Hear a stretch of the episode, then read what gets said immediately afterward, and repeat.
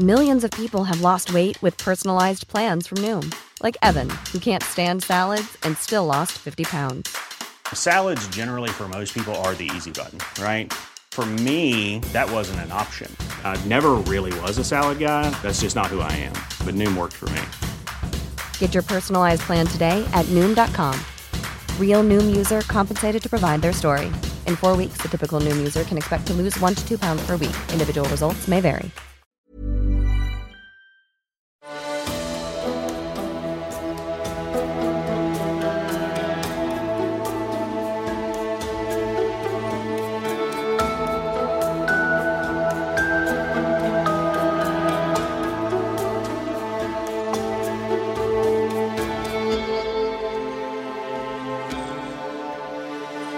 Velkommen til Seriemorderpodden.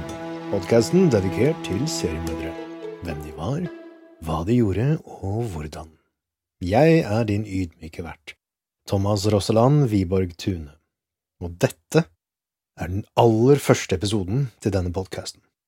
Mange av dere som lytter, har kanskje erfaring med å lytte til meg snakke engelsk på The Serial Killer Podcast.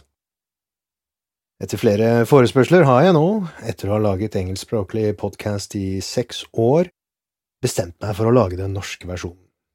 I Seriemorderpodden kommer jeg til å ta for meg de samme seriemorderne som i The Serial Killer Podcast, men manus blir skrevet på nytt, med oppdatert og ofte helt nytt innhold, og selvfølgelig på norsk.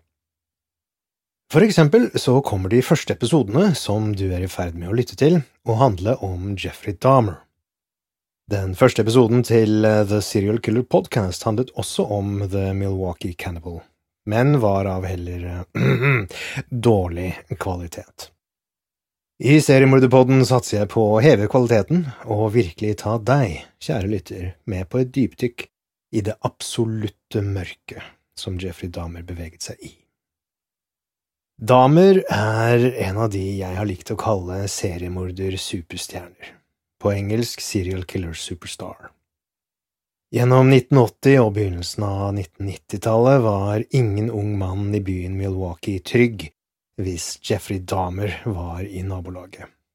For de som var uheldige nok til å bli fanget i Dahmers feller, var det å bli bundet fast bare begynnelsen på lange og smertefulle prøvelser, hvor mange ba om at døden skulle komme raskt for å få slutt på marerittet. Damer dopet og voldtok ofrene sine før han gikk videre med å dyrke sine mørkere lyster. Damers heldige ofre ble kvalt i hjel, men resten led skjebner som var verre enn døden. Fra de trygge rammene i leiligheten hans i Milwaukee, som fungerte som torturkammer og slakterhus, utførte damer bisarre eksperimenter på ofrene sine inkludert å bore hull i hodene deres og helle syre og varmt vann inn i hjernen deres. Etter at ofrene hans døde, fortsatte damer å bruke likene til ofrene for å hengi seg til sine makabre fantasier ved å engasjere seg i nekrofili og kannibalisme. Jeffrey Dahmer tok drap til et helt nytt nivå. Vi skal ta for oss alt sammen, kjære lytter, og vi skal ta oss god T.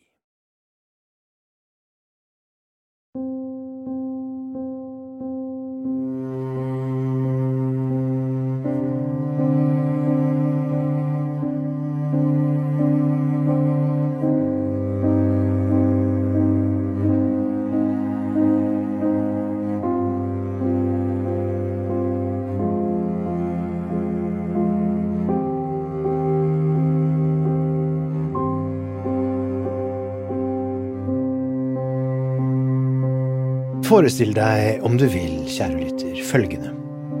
Tidlig 90-talls Midtvesten i USA. Nærmere bestemt Milwaukee. På radioen er det Nirvanas Smells Like Teen Spirit som dominerer, sammen med hits fra Pearl Jam, REM, Roxette og Bryan Adams. Motebildet er eklektisk, for å si det mildt, med liberal bruk av pastellfarver, krølltang, hårspray og ikke minst flanell. Ideen om røkeforbud inne på barer og restauranter er meget fjernt fra innbyggerne i Milwaukee sin, og internett er det ekstremt få som i det hele tatt har hørt om. Likevel, World Wide Web og verdens første nettside ble lansert den 6. august dette året.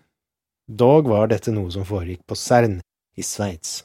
Datamaskiner har så vidt begynt å bli vanlig å se i privathjemmene til de mer velstående innbyggerne i USA. Hvis folk ikke sitter hjemme og ser på TV, benytter de gjerne fritiden til å møte andre mennesker ute på restauranter og barer. Få, eller ingen, bruker tid foran dataen. Milwaukee var, og er, den mest folkerike byen i den amerikanske delstaten Wisconsin og fylkessetet i Milwaukee fylke.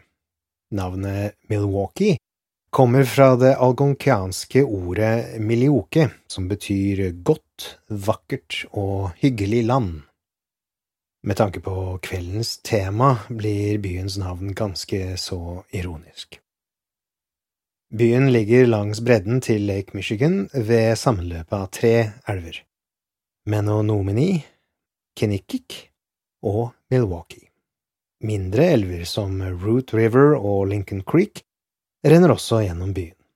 Med en befolkning på 628 088 ved folketellingen i 1990 var og er Milwaukee den femte største byen blant midtveststatene i USA.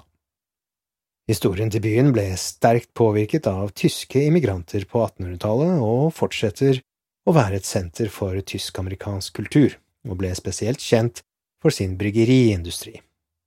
Her til lands har du kanskje sett Millers Genuine Draft og Miller Light i butikkhyllene til dyrere dagligvarebutikker. Milwaukees tredje politidistrikt dekker Milwaukees nordvestre bydeler i nærheten av sentrum. To politibetjenter postert hit, partnere som de sier i USA, var i ferd med å avslutte vakten sin. Rolf Müller, født 1952 og i slutten av 30-årene, var en veteran i politistyrken. Robert Raut var den eldre av de to drevne politibetjentene. Han var tidlig i 50-åra og hadde begynt å glede seg til muligheten for pensjon. Vakten de var i ferd med å avslutte, varte fra fire til midnatt. De hadde kjørt langs 2600-kvartalet eh, til West Kilbourne Avenue, et skittent nabolag i utkanten av sentrumsområdet nær Marquette University. Dette området var det høyeste kriminalitetsområdet i indre by på den tiden. Mot nord var hovedveien pepret med strippebarer og små hjørnebutikker. Falmede, fillete skilt i vinduene annonserte Vi tar imot matkuponger. Nabolaget inkluderte typiske karakterer som narkohandlere, prostituerte og arbeidsløse psykisk syke som ofte var hjemløse. Det var svært vanlig å se uteliggere med eiendelene sine i rustne metallvogner, og som gjerne tilbrakte natten i dårlig ly inntil en døroppgang. Det var dog bevis på områdets fordums glansdager, vidstrakte viktorianske boliger fra århundreskiftet, store leilighetskomplekser som en gang i tiden hadde vært lukrative og staselige boliger i katedralstil. Dessverre var storhetstiden for lengst forbi og alle de tidligere vakre byggene var godt på vei til å forfalle fullstendig.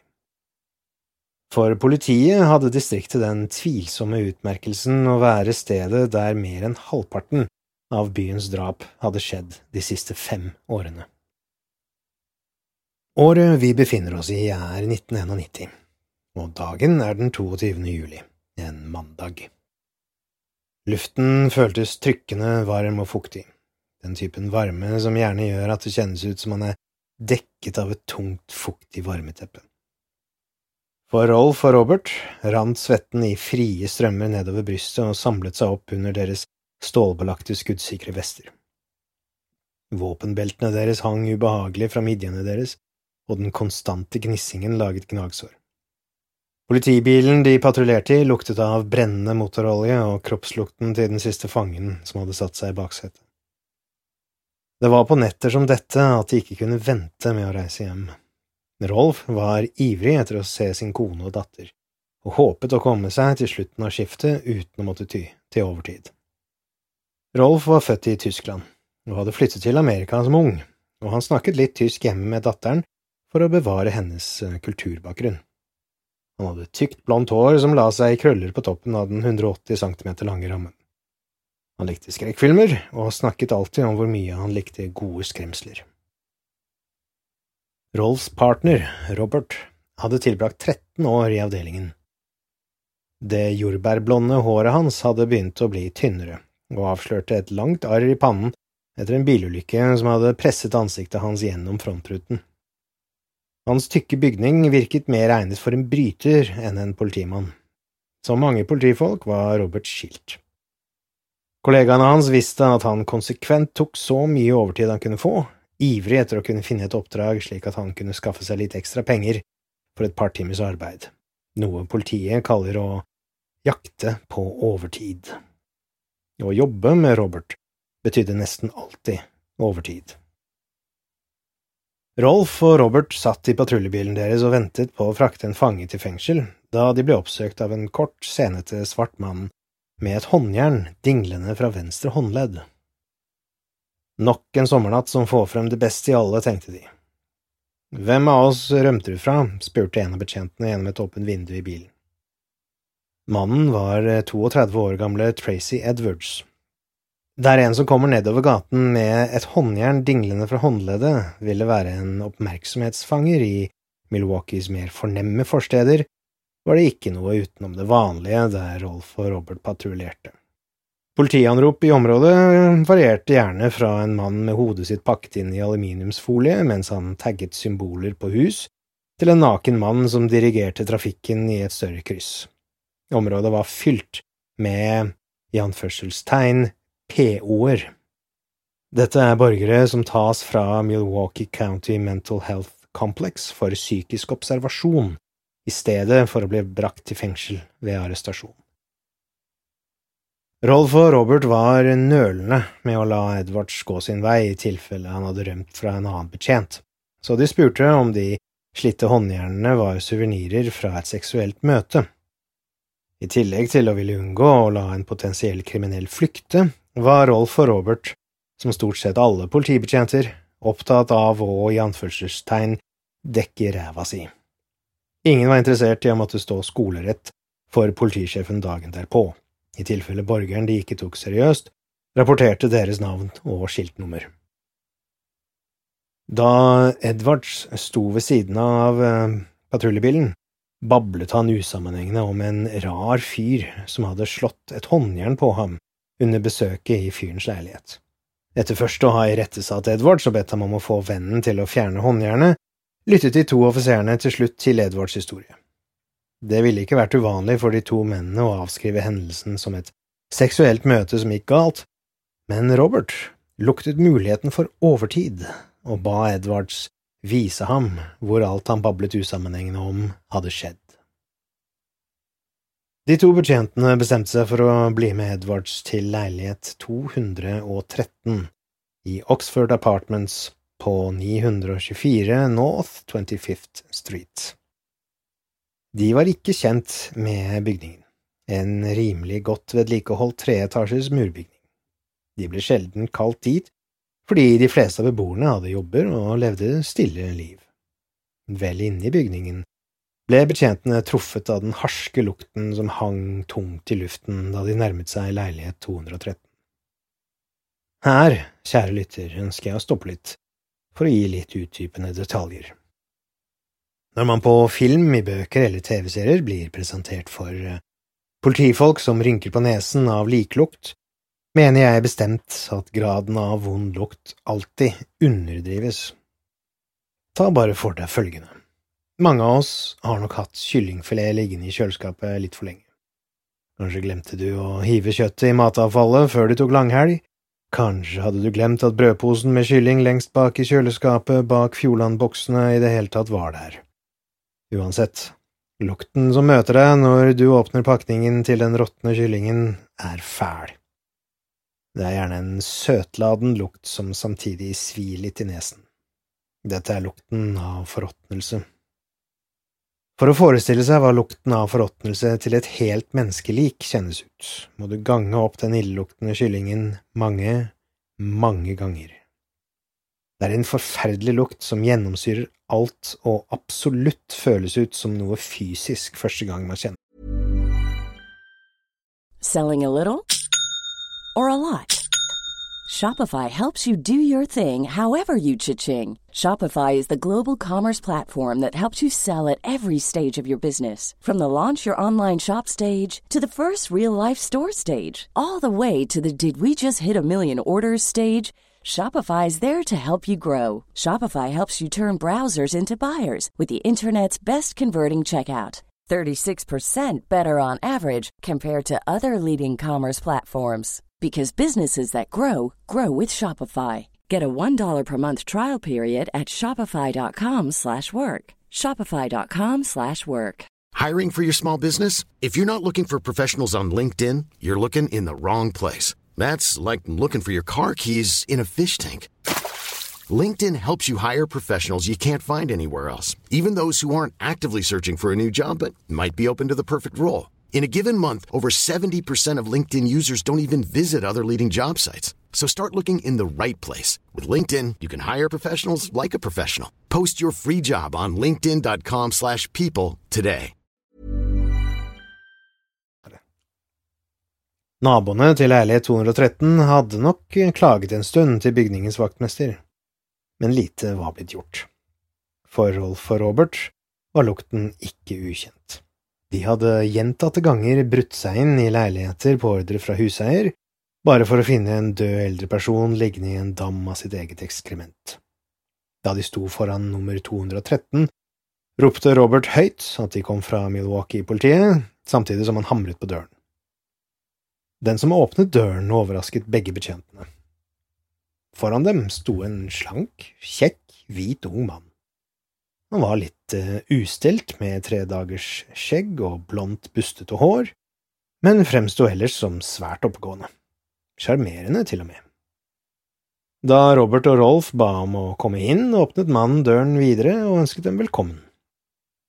Betjentene ba raskt mannen, som hadde identifisert seg som Jeffrey Damer, om nøkkelen til håndjernene Edwards hadde på seg. Damer virket fullstendig rolig og sa at nøkkelen var på soverommet. Før han kunne gå inn der, ymtet Edwards, som nå virket vettskremt, frem at Damer også hadde en kniv de burde være klar over. Rolf ba Damer om å stoppe, og sa at Damer kunne stå i stuen med kollegaen hans mens han undersøkte soverommet.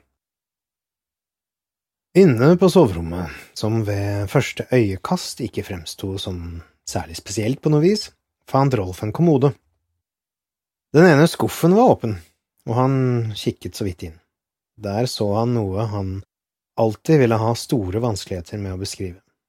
Det var polaroidfotografier av menn i ulike stadier av lemlesting, bilder av hodeskaller i kjøkkenskap og frysere og et øyeblikksbilde av et skjelett som dingler fra et dusjhode. Han sluttet å puste en stund mens han sto frossen og stirret på de grusomme polaroidfotoene som minnet mer om skrekkfilmstillbilder enn faktiske bilder av mennesker. Han kom seg dog raskt ut av det første sjokket og ropte ut i stuen at Robert umiddelbart måtte arrestere damer og sette håndjern på ham. Da damer innså at han var på vei til fengsel, ble han voldelig. Det var som om noen hadde trykket på en bryter. Det ene øyeblikket var han sjarmerende og rolig, det neste var han full av raseri og ekstremt voldelig. Han angrep Robert, som heldigvis var svært rutinert, og de to havnet på stuegulvet der Robert uten større vanskeligheter fikk damer trygt i håndjern. Rolf kom ut av soverommet med flere bilder i hånden. Du er en heldig jævel, kompis, sa Rolf til Edvards. Dette kunne vært deg, la han til, og hendene skalv mens han viftet med et bilde av et avkappet menneskehode mot Edwards. Edwards så storøyd på Rolf og fortalte ham hvordan damer hadde klikket da han hadde gått mot kjøleskapet for å ta en øl. Kanskje han har et av hodene sine der inne, sa Edwards i en svært nervøs tone. Ja, særlig, kanskje det er et hode der inne, sa Rolf mens han flirte av Edwards. Rolf åpner kjøleskapsdøren for å håne Edwards, men slapp deretter ut to primale skrik i ren, skjær frykt, som naboer senere skulle huske hadde vekket dem. Rolf slo igjen døren til kjøleskapet og ropte Robert, det er et jævla hode i kjøleskapet. Samlet sett hadde damer lagt fire avkappede hoder, flere avkappede kroppsdeler, avkappede peniser og to menneskehjerter i kjøleskapet sitt. For øvrig var damers leilighet tilsynelatende ryddig, og det var lite ved den som umiddelbart ga noen idé om hva slags monster som bodde der. De påfølgende dagene etter damers arrestasjon endevendte politiet leiligheten, og hva de fant, tilhører historiebøkene. Under teppet i stuen fant politiet enorme blodflekker, og det var tydelig at store mengder blod hadde trukket ned i gulvet. Leiligheten var en eh, typisk ungkarsleilighet. Et separat soverom, mens eh, kjøkken og stue var slått sammen. En eh, blå lavalampe sto i hjørnet i stuen, og et akvarium sto på et svart bord. Sofaen i stuen var beige, og på veggene bak hang et trykk av Salvador Dali. Det var flere tomme ølbokser både i stuen og på kjøkkenet. I tillegg til eh, Salvador Dali-trykket på veggen hang flere store svart-hvitt-bilder av mannlige kroppsbyggere i ulike positurer. Soverommet var, som stuen, ikke spesielt innredet, men bakerst i soverommet var et klesskap, og på bunnen bakerst i dette skapet sto en diger kjele. Oppi denne kjelen hadde damer lagt flere avkappede hender og en avkappet penis. På en hylle over kjelen hadde han plassert to hodeskaller som han hadde malt. I tillegg til dette hadde damer plassert flere glass fylt med formaldehyd. Oppi disse glassene hadde han lagt ytterligere avkappede peniser. Badet var kun tilgjengelig via soverommet, og det inneholdt både WC og badekar. På speilet over vasken hadde damer teipet et polaroidbilde av en naken mann.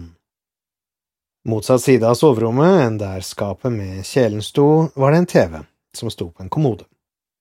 Det var i den øverste skuffen i denne at politibetjenten hadde sett polaroidbildet som fikk ham til å rope ut til partneren sin. Totalt inneholdt skuffen 30 polaroidbilder tatt av damer. De viste ofrene hans i ulike stadier. Først gjerne et bilde av offeret som drikker alkohol og smiler til kamera. Så offeret uten klær med et flørtende blikk så et bilde der offeret ser redd ut. Så et bilde der offeret har hele brystkassen skåret opp. Så et bilde av offeret uten hode og hender og penis.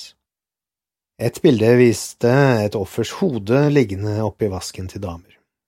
Et annet viste et skjelett hengende i klesskapet til damer, der kjøttet på hodet, hendene og føttene til skjelettet fortsatt var intakt. Damer anså muligens seg selv som en kunstner og i flere av bildene kan man se at han har arrangert lik av offeret i ulike eksperimentelle positurer. For eksempel, han hadde fotografert et avkuttet hode, huden og håret intakt, og ansiktet gjenkjennelig, oppå en hvit klut. Han hadde lagt avkappede hender på en foldet klut ved siden av hodet, og kjønnsorganene til offeret på en klut på den andre siden. Damer fotograferte også to hodeskaller side ved side på en tallerken ved siden av forskjellige krydder, i det som så ut til å være et kjøkkenskap. Han tok også bilder av to hodeskaller i fryseren. Det som sannsynligvis hadde tatt damer lengst tid, var bildet av et lik som var blitt nøye flådd før det ble fotografert. Det å flå et menneske er svært tidkrevende arbeid, særlig hvis man ønsker å bevare kjøttet under huden. På soveromsveggene hans hang flere bilder av mannlige kroppsbyggere. Sengen var en svært enkel dobbeltseng. Da politiet fjernet sengetøyet, oppdaget de at madrassen var gjennomtrukket med blod. En klokkeradio, fjernkontroll for fjernsynet og et askebeger fylt med sigarettstumper sto på et arkivskap i metall med to skuffer. Den øverste skuffen i arkivskapet inneholdt tre hodeskaller og den nederste skuffen inneholdt forskjellige knokler. Flere pornografiske videobånd lå strødd utover gulvet. I hjørnet av soverommet sto en illevarslende blå 57 liters tønne med et svart lokk som inneholdt delvis nedbrutte kroppsdeler som fløt i en kjemisk sørpe. Klokken 04.00 tirsdag morgen kom en stor varebil med en TJ Environmental Contractors-logo på siden og parkerte utenfor leilighetsbygget. Dette selskapet spesialiserte seg på håndtering av miljøskadelige og farlige materialer. Eierne, Tom og Joel Jacobsen, gikk ut av varebilen. De hadde på seg neongule kjeledresser i hva som tilsynelatende var regntøymateriale. De tok så på seg oksygenmasker, store svarte gummihansker og gummistøvler. Til slutt tok de på seg røde hjelmer. Samtidig med at Jacobsen-brødrene ikledde seg verneutstyr, ankom Milwaukee fylkesrettsmedisiner til scenen. Han het Jeffrey Jensen og var en 37 år gammel mann med tykt, krøllete brunt hår, briller og et ungdommelig fjes. Jacobsen-brødrene fulgte ham inn i leilighetsbygget og inn i leilighet 213. I leiligheten gikk Jensen rundt og samlet inn de ulike kroppsdelene. Han tok tre plastposer som inneholdt menneskehoder, funnet i kjøleskapets toppmonterte fryser, og la dem inn i Damers separate kistefryseboks. Jensen flyttet deretter hodet Rolf hadde sett i kjøleskapet, inn i den separate fryseren sammen med de andre hodene. Han bemerket at ved siden av hodet var det en åpen boks med natron og litt ketsjup og sennep. Hodeskallene fra skapet ble plassert i pappesker, merket hodeskalledeler med tykk, svart tusj. Jensen forseglet fryseren og den store blå tønnen med syrebad med sølvteip. Han forseglet også pappeskene som inneholdt hodeskallene. Jacobsen-brødrene lastet fryseren og fatet en etter en på traller og dro dem ut av leiligheten og inn i lastebilen deres. Visittkortet til Lionel Damer ph.d. var den første indikasjonen på at den mistenkte hadde en familie, mens ulike identitetskort strødd på kjøkkengulvet, soveromsgulvet og i skuffene ga navn til noen av hodene og lemmene som en gang hadde vært mennesker et identitetskort med navnet Oliver Lacey, et Wisconsin-førerkort med navnet Tony Hughes og et Illinois-førerkort med navnet Joseph Braidhoft ga de første ledetrådene i etterforskningen. Siden Oliver og Lacys ID bar et fotografi og var den første positive identifikasjonen, ble hele drapsfilen oppført under navnet hans. Det var hodet til Lacy som lå i boksen i kjøleskapet. Hjertet som var i posen, skjelettet som lå i fryseren. Noen få ting hadde betydning som ikke ville bli avslørt før mye senere. En stor sprøyte virket mystisk, og et rengjøringssett for kontaktlinser var ganske ufarlig, men de hadde begge spilt en rolle i Damers makabre morderkarriere. To gargoylefigurer i plast fra stuen og kjemikaliebestandige hansker ved siden av litervis med muriatinsyre og seks bokser med Soilex rensemiddel skulle også vise seg å være bevis på forbrytelser. Hensikten med tre bor var ennå uklar, selv om klohammeren og håndsagen ikke ga opphav til slike tvil. Likevel, i en ganske underlig kombinasjon med det dystre inventaret, var det gjenstander som tydet på anstendighet og religiøsitet. En King James-versjon Bibel, for eksempel, i tillegg til lydkassetter om kreasjonisme og Bibelen. Det var ytterligere lydbånd som forklarte numerologi og det guddommelige triangel, og bøker og lydkassetter for å lære seg latin.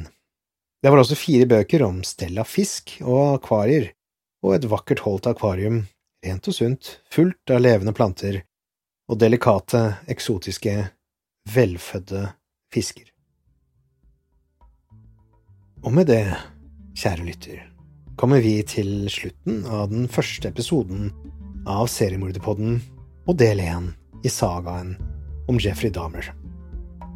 Jeg håper du har hatt glede av å tilbringe litt tid med meg i kveld.